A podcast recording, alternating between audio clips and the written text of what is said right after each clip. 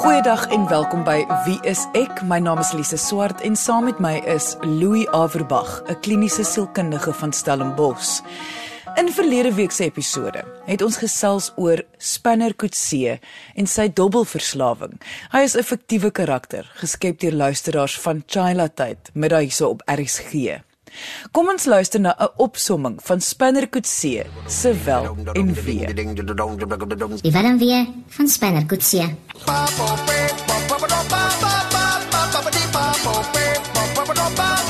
Gou net kortliks die agtergrond. Spinner kom van knap daar, klein plekkie tussen Betuli en Burgersdorp. Kolik baba. Ma moes hom saans uitneem uit die huis. Sodra hy die sterre sien, het hy stil geraak. Lang storie kort. Hy het verlief geraak destyds op Talita Pylveer. Sy was ook van daai omgewing. Kyk, Talita is net so mal oor hom soos hy oor haar. Hy het nou maar hierdie swakheid van dobbelverslawing en hy het destyds vir haar beloof dat hy nie weer gaan dobbel nie. Maar maar het, soos wat dit gaan soos 'n verslawing, dis mos groter as jouself, né? En toe vang sy hom uit. Wie het so um, sy hom uitgevang? Sy het in die plaaslike koerant gesien van Darling. Hy daar by Grand West Casino dat hy uh, die boerpot gewen man en toe sy hom sien daar by Rocking the Daisies in Darling te besef sy. Hy dan vaar gejok. Al sit hy nou met die miljoene, hy het vaar gejok en dis vaar nog 10 keer erger. Dis een van die redes hoekom sy op vlug geslaan het. Hy is verslaaf aan dobbel. Louis, net dat ons almal net weer op dieselfde bladsy is. 'n Dobbelverslawing. Is dit anders as 'n ander verslawing soos byvoorbeeld dwelms of miskien alkohol? Nee, dit is presies dieselfde. En omdat dit nie iets is wat jy in jou liggaam inneem nie, dink mense dis 'n ligter vorm. En soos alle verslawings is daar natuurlik verskillende grade daarvan, maar dobbelverslawing het presies dieselfde effek neurologies om die plesier-effek te verkry. En daardie plesier-effek is wat jy verlede week vir ons verduidelik het. Uh, dit is wat die persoon die heeltyd na soek en en en en dis asof hulle nooit weer dieselfde plesier kry as in maar die eerste keer nie. Dis heeltemal reg, want verslawing het ook te doen met toleransie. Jy moet so 'n bietjie meer doen die volgende keer om dieselfde plesier-effek te kry. Dobbelverslawing is ook nie so onalgemeen soos mense dink nie of net beskore vir sekere inkomstegroepe of geslag of ouderdomme nie. Nee, dit kom oor alle spektrums voor. By mans begin dit so bietjie vroeër. In die laat adolessente jare kan jy dit al begin sien, by vrouens bietjie later, maar daar is niemand wat regtig gespaar is van verslawing nie. En soos ons in laasweek se episode gesê het, sommige mense is meer geneties geneig om verslaaf te kan word aan enige iets. Maar daar is nog steeds baie sterk omgewingsfaktore wat 'n rol sal moet speel om nou volledig dubbelverslaaf te word.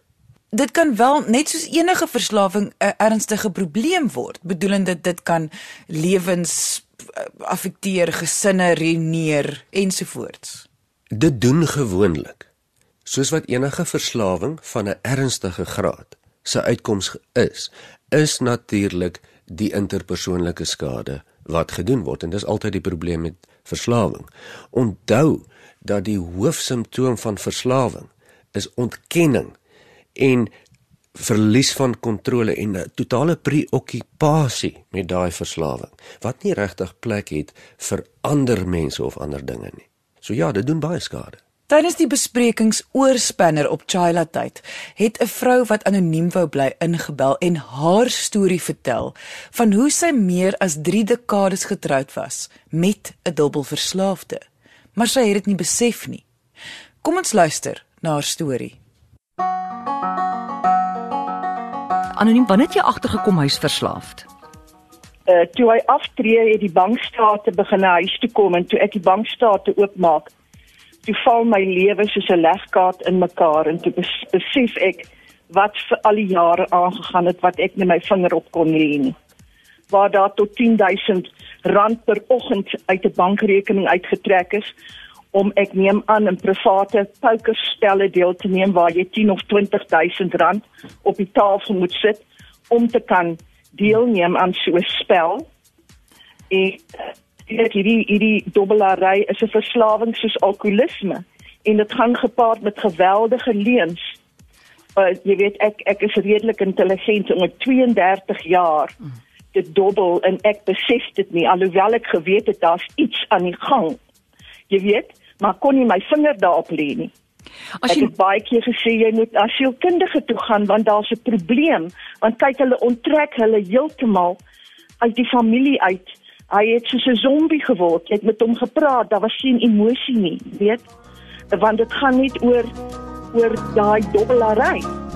Jy luister na Wie is ek met Louie en Lise op RSG 100 tot 104 FM. Louie, hoe kon hierdie vrou niks agtergekom het nie? Ek bedoel 32 jaar. Sy sê sy het agtergekom iets is verkeerd, maar sy was nie seker wat nie. Is dit moontlik om so lank niks te vermoed nie Uh, of liewers dat hy sy verslawing so goed kon wegsteek vir so lank? Kyk al is dit bietjie ekstreem. 32 jaar is lank. Ek dink nie dis daarom 'n algemene voorbeeld nie. Maar ons moet onthou dat een van die kerns van verslawing is leuns en ontkenning ook aan die verslaafde self. En afhangende van die omstandighede, as mense baie sterk finansiëel is, as hulle 'n leefstyl het waar hulle sosiaal baie weg is van mekaar, kan dit vir jare voortduur. En dit is wel moontlik ja dat mens 'n tipe verslawing so lank nie kan agterkom nie. Want dit is natuurlik 'n bietjie wen, 'n bietjie verloor, 'n bietjie wen en 'n bietjie verloor en as jy baie geld het, kom jy dit nie noodwendig agter nie. Want dit word verdoesel en toegedraai. Maar sy vertel hoe haar man homself begin onttrek het van die mense om hom, met ander woorde veral hulle huisgesin. Is dit normaal wanneer dit kom by 'n dubbelverslawing? Ja, dit is normaal by verslawing. Vanweë twee redes. Die een is die preokkupasie met die verslawing. Mense is nie meer lus vir die ander dinge nie. Jy's lekker besig met om planne te maak om jou verslawing te voed. Maar daarmee saam ook die konstante verlies van kontrole wat met verslawing saamgaan, veroorsaak in die meeste gevalle nogal depressie by mense wat verslaaf is op die lang termyn. Dit gaan ook saam met sosiale onttrekking. So die twee voer mekaar. In verlede week se episode het jy vir ons verduidelik hoe jy is geneties geneig tot 'n verslawing, dan bly dit tog jou keuse nog steeds. Met ander woorde, jy wil dit graag doen, dis vir jou baie lekker, so jy moet dan nou besluit is dit iets wat jy gaan doen of nie, dis die gedrag waarvan ons praat. Ja, en in daardie opsig sê ons dat jy partymal nie kan help om geneig is om verslaaf te raak aan dinge nie. Maar jy is veronderstel om te kan help wat jy doen. Soos met enige iets anders. En dis 'n baie fyn lyn, want gewoonlik begin dit met eie keuse. En dit is hoe verslawing opeindig dat jy op 'n stadium nie meer beheer het nie. En dan word dit 'n siekte. Maar tog voel dit vir my daar ergens in die middel. Louis, as mens nou luister na hierdie vrou se storie. Hy het 4 kinders, hy het 'n vrou, hy het 'n gesin. Hy het wat baie mense sal noem 'n baie gelukkige lewe. En dan kies hy nou nog steeds om al hierdie geld te verkwansel en hulle lewens en hulle lewenskwaliteit in gedrang te plaas. Dit is mos uiters selfsugtig. Alle verslawing is selfsugtig as die graad van verslawing begin ernstig raak. Ons moet onthou dat verslawing veral met dobbel gaan gepaard met 'n onwilligheid om realiteit te aan, aanvaar. Uh, dit gaan gewoonlik gepaard met emosionele insekuriteit, onvolwassenheid. Wat basies beteken dit is iemand wat nie wil volwasse word en verantwoordelikheid neem nie. So ja, dit beteken ander mense gaan skade ly in die proses. Die ek is dan eerste. Ek het plus ek het 'n plus minus 'n bedrag gekry vir huishouding en as ek gesê het, hoorie, so ek kan regtig nie uitkom nie. Kan ek asseblief nog iets nog meer kry? Hm. Dit is soos jy praat met 'n muur, jy weet. Jy praat met 'n muur, dit dit gaan net nie deur nie. Kyk net vir jou aan en het, het, niks gebeur nie, jy weet, want kyk hulle sal hulle laaste sent gebruik om om om te dobbel. Dit is 'n siekte en ek weet nie of dit 'n adrenalien boost is wat hulle kry daaruit of wat dit is wat hulle uiteindelik so verslaaf raak dat hulle basies hulle lewe daarvoor sal gee, jy weet. Wat is dit wat iemand uit 'n verslawing kry? Ek bedoel, wat bied 'n verslawing vir 'n persoon? Twee dinge. Een is ontsnapping. En dis wat verslawing vir almal bied, ontsnapping van die realiteit. Die tweede ding is die plesierbeginsel. En hier moet ons baie mooi verstaan dat dit 'n neurologiese beginsel is. Ons jaag die afskeiding van plesierhormone na met of dit lekker kos is of 'n drankie of 'n sigaret of 'n dobbel en die oomblik as dit dan nou nodig raak om daardie ding heeltemal te volhou dan raak dit 'n verslawing. Soos asof daar soos 'n 'n koppie, kom ons sien soos 'n koppie in 'n mens se lyf en daai koppie moet die hele tyd vol raak met wat jou kop dink is die plesier. Dit is reg en al voel dit of mens beheer het daaroor. Ek dink mense verstaan baie keer nie hoe vinnig en hoe maklik neurologiese patrone gevorm raak om gewoontes te veroorsaak nie. En dan is jy vas in 'n patroon voor jy dit agterkom. Het jy jou eie geld gehad? Het jy gewerk jou hele lewe lank? Ek het gewerk, maar jy weet ek ek het nie ek het nie geld gehad nie. Toe ek nou die ding uitvind, toe moes ek nou agterkom die anniteite, al die polisse wat ons gehad het. Alles, dit bestaan nie meer nie. Ons ons staan op aftree. Jy het jou hele lewe hard gewerk. Jy het uitgesien na daai dag wanneer ons gaan aftree en ons gaan aftrek Kaap toe en ons gaan dit doen en ons gaan dat doen en ewe skielik is daar niks. Ons gesels vandag oor dobbelverslawing. Ons het ook in verlede week se episode hieroor gesels. So 'n paar weke gelede, tydens Chila tyd hier op RSG, is daar besluit dat die fiktiewe karakter Spinner Coetzee verslaaf is aan dobbel. Als as gevolg van die luisteraars wat gevoel het hy het 'n swak punt nodig om hom meer 'n menslike karakter te maak. Indien jy verlede week se episode gemis het of weer na albei episodes wil luister oor dobbelverslawing, kan jy na die pot gooi. Gaan luister op RSG se webwerf, dit is rsg.co.za. Klik op pot gooi en kies 'n episode volgens die uitsaai datum of kort beskrywing. En indien jy die hele verhaal van Spannerkoet 7 luister, kan jy ook na die pot gooi gaan luister op RSG se webwerf. Louis, nou watter simptome of tekens kan kan die mense wat saam met 'n moontlike dobbelverslaafde woon, waar waarvoor kan hulle uitkyk? Kom ons kyk eers te wie's die mense wat die meeste risiko toon vir dobbelverslawing. En dit is een van twee groepe mense of mense wat 'n laer vorm van inkomste het, miskien nie 'n werk het nie en letterlik op die broodlyn leef. Die ander groepering mense is mense wat hou van groot risiko neem en wat baie impulsief is. Dis die mense, nie almal nie, maar dis grootliks die groeperings wat risiko toon vir vir dobbelverslawing. En nou moet mens onthou dat daarmee saam gaan daar altyd sosiale en ekonomiese pryse om te betaal. So eers gaan jy sien, die geld sake is nie lekker nie. Ek dink ons geval van die anonieme dame wat ingebel het is eintlik redelik onalgemeen om vir 32 jaar nie agter te kom nie. Ek vermoed hulle moes redelik welgesteld wees. Want oor die algemeen gaan dit nie so werk nie. Jy gaan sien, die geld is nie lekker nie. Die onttrekking en natuurlik dan by die werk. Die persoon sal nie meer so goed funksioneer by die werk nie. Dit gebeur natuurlik geleidelik, maar probleme by die werk. Moeg daag nie by die werk op nie ensovoorts. En jy sal ook optel miskien 'n 'n meer vorm van rusteloosheid, geïrriteerdheid. Want onthou die gedagtes is heeltyd by die dobbel. As jy by die huis moet wees en want jou vrou en jou kinders verwag het van jou, wil jy eintlik eerder by die kasino wees. Jy tel daai rusteloosheid op. En die leuns. Daar gaan altyd leuns gepaard met met verslawing, ook lieg verslaafdes vir hulle self selfs oor die aantal keer wat hulle gedobbel het en die aantal geld wat hulle verloor het. So jy sal al hoe meer risikogedrag begin sien. Baie mense gaan hierdie tipe simptome toon, maar dan is dit nie noodwendig spesifiek 'n dobbelverslawing nie. Wat jy sê is wanneer jy hierdie tekens sien, dan moet jy ten minste net besef iets is verkeerd. Ja, jy gaan nie dadelik nou na die gevolgtrekking hardloop hy of sy is verslaaf of dubbelverslaaf nie. Maar dit gee vir jou daai breë aanduiding van iets is nie lekker nie.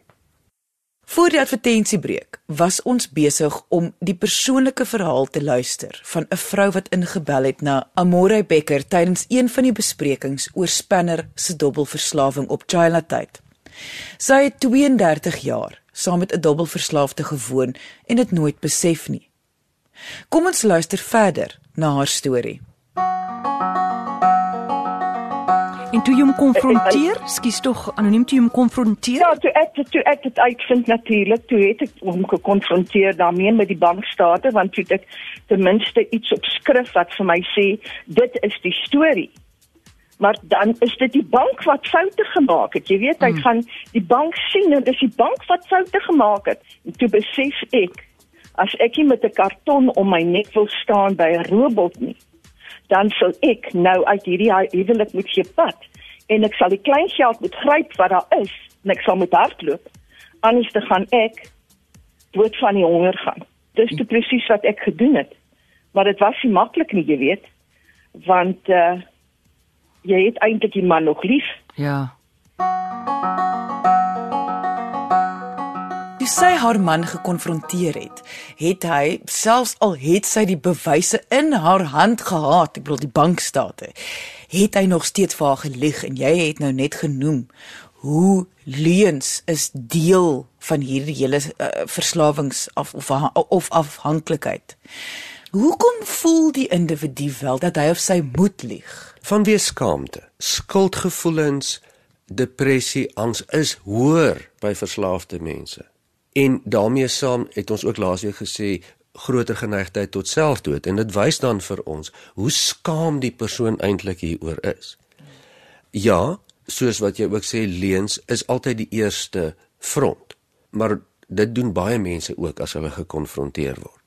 Maar eintlik gaan dit daaroor dat 'n verslaafde persoon wil nie regtig erken dat hy of sy verslaaf is nie.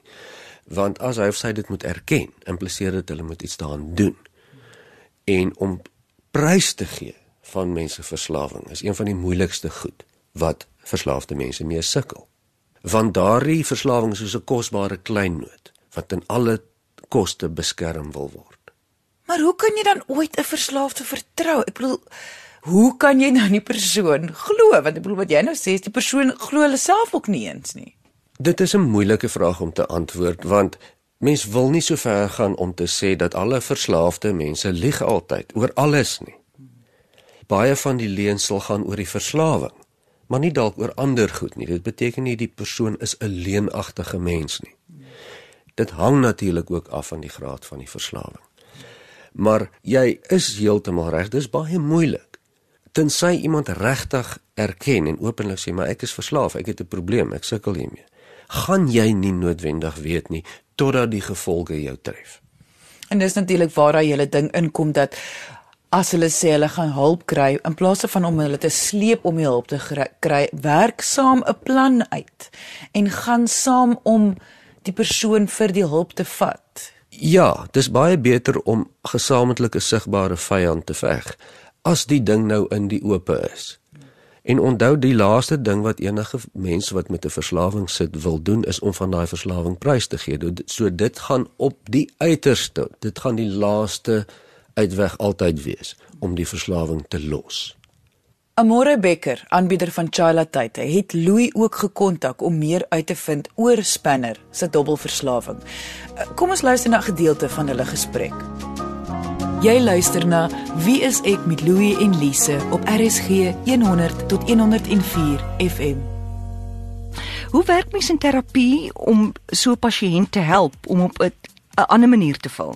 Al klink dit nou soos 'n klise, 'n spanner sal moet erken en sê goed, dit is so. Ek het 'n dubbel probleem, ek erken dit. Maar jy sal tog nie net daai ding wil wegvat nie. Uiteraard doen die dubbel of die verslawing iets vir die persoon iets verspanner. Daar's 'n rede hoekom dit doen. Dit beveg gewoonlik angs, dit gee 'n gevoel van veiligheid en gewoonlik ontvlugting. Terapeuties om dan kyk nou wat hoe kan jy daai gate vul? Wat kan jy doen? Hoe kan jy daai gat toemaak op 'n minder destruktiewe manier? Sjoe, so sien nou maar soos Melita wat nou heeltyd in die kar sit saam met hom. Uh waar kan sy begin deur te sê ek meen sy kan hom nie nou dwing om na 'n terapeut toe te gaan nie. Hy moet nou nee. eers erken hy die probleem. Wat wat kan sy nou doen? Volgens my sal sy van direk vierkantig in die oë kyk en sê luister spanne, dit is dit. Mm. Ons geld is klaar. Jy het 'n probleem. Wat gaan ons doen? En en om nie kans om dit te ontken nie, dat hulle saam deel word van 'n oplossing hierso. Is sielkundige hulp 'n mens se enigste hoop? Nie altyd nie, dit hang af van die grade, maar as ons 'n ernstige graad van verslawing het, dan is rehabilitasie gewoonlik die enigste opsie. Bitter min mense kry dit van self gestop. Nou kyk, ek kan dink as jy verslaaf is aan iets nou, kom ons nou nou in hierdie geval nou in dobbel en dit gaan oor die plesier daarvan en jy het ook net net gesê dis die heel hulp om hulp te kry is die heel laaste stap. O goeie genigtig, dan is rehabilitasie mos nou nie eens 'n opsie vir enige iemand nie, want wie wil dit nou doen? Rehabilitasie is nooit 'n opsie vir enige iemand wat verslaaf is aan iets nie. Niemand wil gaan vir rehabilitasie nie dit gebeur gewoonlik wanneer jy moet. Jy het geen ander keuse nie. Jy is so gekonfronteer dat jou geliefdes gaan nou pad gee. Of die gevolge is so erg dat mens dan nou maar teesinnig gaan. So as jy 'n geliefde is wat saam met iemand leef wat 'n dubbelverslaafde is en wat jy nou sê dit gaan hulle laaste opsie wees. Goeie genigtig. Hoe ver moet jy as die geliefde wat nie die verslawing het nie gedruk word in jou ek wil amper sê jou vergifnis, jou liefde, jou alles voor hierdie persoon gaan besluit hulle gaan nou hulp kry. Ja, kyk, dit hang natuurlik baie af van mens tot mens en verhouding tot verhouding en omstandighede. Maar ek het al baie gesien dat as mens nie die groot hamers uithaal nie, soos byvoorbeeld om regtig te dreig om die verhoudings te beëindig of regtig uitmekaar uit te gaan of wat ook al die geval is om jouself te beskerm teen die ander persoon se verslawing is gewoonlik al wanneer daar dan begin 'n omeswaai plaasvind 'n moontlike omeswaai en dan praat ons van 'n omeswaai na rehabilitasie toe. En as jy die geliefde is wat dan die ultimatum stel moet jy dit bedoel en jy moet bereid wees om dit uit te voer. Want as jy dit dan nie gaan doen nie gaan dit 'n agterdeur oop los om uit te glip. En gaan die verslaafde persoon dan weet dat hulle kan wegkom met dinge want jy bedoel nie eintlik wat jy sê nie. Die ander ding wat ek ook agterkom is dat mense dink dat die donker kant van mense uh, of of dit waarmee hulle sukkel soos 'n verslawing verteenwoordig so half die identiteit van iemand. So asof Spinner 'n uh, 'n fout in sy karakter het. Hy is 'n verslaafde. Mm wat ook nie waar is nie. Weet dit is sê nie regtig altyd van mense wie hulle reg is nie, net as hulle sekere goeders doen. Mm. So ek ek dink ons sal bietjie onregverdig verspreiner oordeel om hom as 'n 'n gefaalde persoon of 'n swakkeling te sien net omdat hy op hierdie stadium in sy lewe so sukkel met die dubbelprobleem. Uh baie mense kyk smalend na sekere vorms van verslawing. Dobbel uh, alkohol dwelms. Maar ons vergeet ons eie verslawings, net daai ja. ure wat jy voor die TV spandeer of die kompulsiewe oefen 2, 3 keer 'n dag en jy sê dit is goed vir jou, maar jy ja. kan nie anders nie, jy moet.